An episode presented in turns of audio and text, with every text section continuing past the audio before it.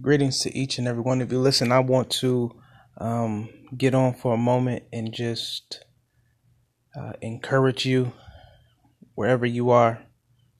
Uh, and, and, and these are some trying times in which we are in.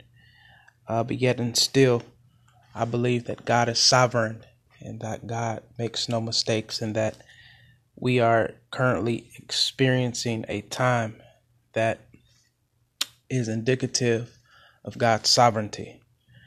Uh, for a few moments, I want to engage a um, lesson, sermon, uh, kind of um, message today as um, it relates to um, what, what we're dealing with, led by the Holy Spirit. Um, if I want to pull from the book of Acts, book of Acts, chapter 12. And it reads Now, about that time, Herod the king put forth his hand to afflict certain of the church. And he killed James, the brother of John, with a sword. And when he saw that it pleased the Jews, he proceeded to seize Peter also. And those were the days of the unleavened bread. And when he had taken him, he put him in prison and delivered him to four quaternions of the soldier to guard him, intending after the Passover to bring him forth to the people. Peter therefore was kept in the prison, but prayed, prayer was made earnestly of the church unto God for him. And when Herod was about to bring him forth the same night, Peter was sleeping between two soldiers bound with two chains, and guards before the door kept the prison. And behold, an angel of the Lord stood by him, and a light shined in the cell. And he smote Peter on the side and woke him, saying, Rise up quickly. And his chains fell off from the hands. And the angel said unto him, Gird thyself, bind on thy sandals. And he did.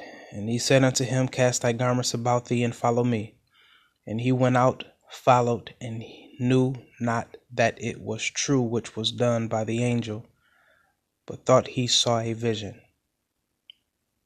When they were past the first and second guard, they came unto the iron gate that leadeth unto the city, which opened to them of its own accord. And they went out and passed on through one street, and straightway the angel departed from him. Now, when Peter was come to himself, he said, Now I know of a truth that the Lord hath sent forth his angel and delivered me out of the hand of Herod, and from all the expectations of the people of the Jews. I want to, for a few moments, led by the Holy Spirit, um, talk from the subject matter at hand. God has a way of breaking chains.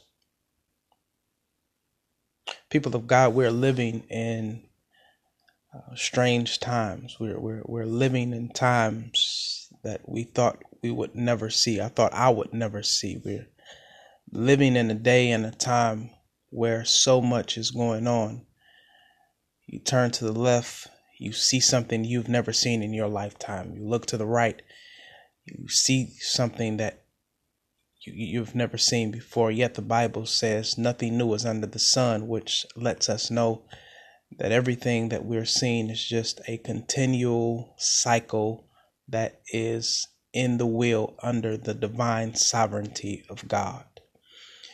That even in these times where we don't know what's going on, we have access to the one that created everything. And I'm just so confident and bold and faithful to know that God is just and God knows exactly what He's doing. So even in these times where there are many questions and many outbreaks and people are scared as it relates to the current concern of the coronavirus that is plaguing the world Uh, many people are trying to figure out how to adjust to our new norm.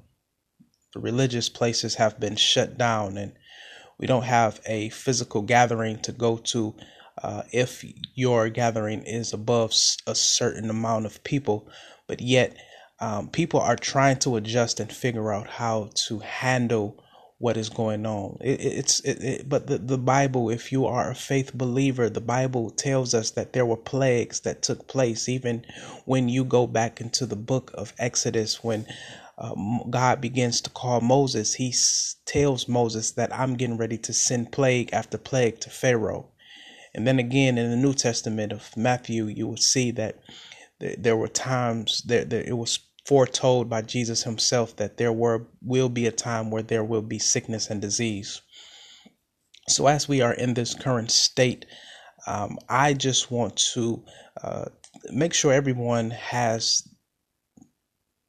the awareness or consciousness to know that you have access to a sovereign God, a healing God, a protecting God, a governing God, a God that hears your prayers when you pray, and God that has a hedge around you in such a time as this. And not only does God has the ability to heal you and protect you but God also has the ability to deliver.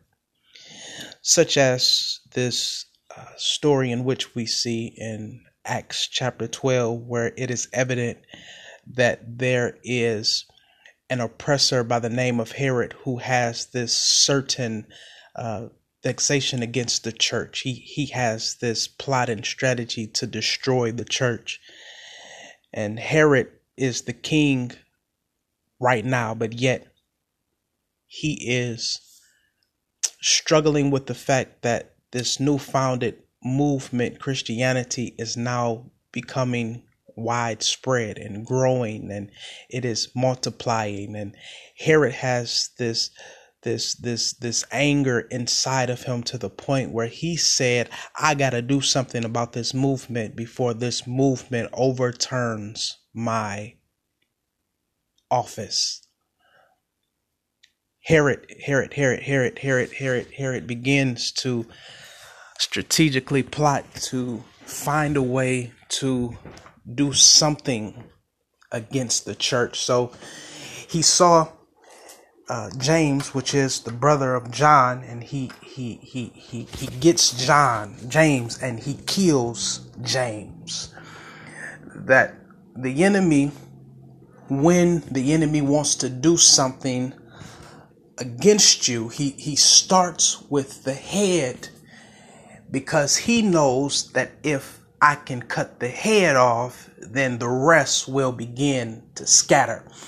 And that's a sign for anybody out there that one of the evil plots and trickery of the enemy is to attack what is what is uh, uh, uh, uh at the top in order to uh, kill the body. And that's for anybody who is in any religious affiliation who is led by any uh, leadership that you ought to be praying for your leader, pray for your pastor, pray for the people that are governing you, pray for those who are are, are responsible of keeping your soul because the enemy is like a, a lion going to and from trying to see who he can devour. And he saw the opportunity of killing James, the brother of John, so that he could scare the church.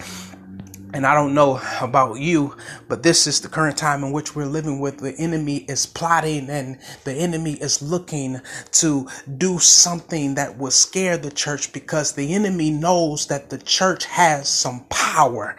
I wish I was talking to somebody. He, he, he the enemy knows that it, it, it, it, something happens when people who believe in the sovereign power of God begin to call on the name of that God and they begin to fellowship and begin to sing praises and begin to pray and the sermon goes forth that if the enemy can stop that then he can stop the power that the church has access to. This is why you got to be careful of people who always uh, questioning why you are in the fellowship, questioning why you go down to the church, questioning why you believe in such a God, because the enemy knows that there is power in the God that that that that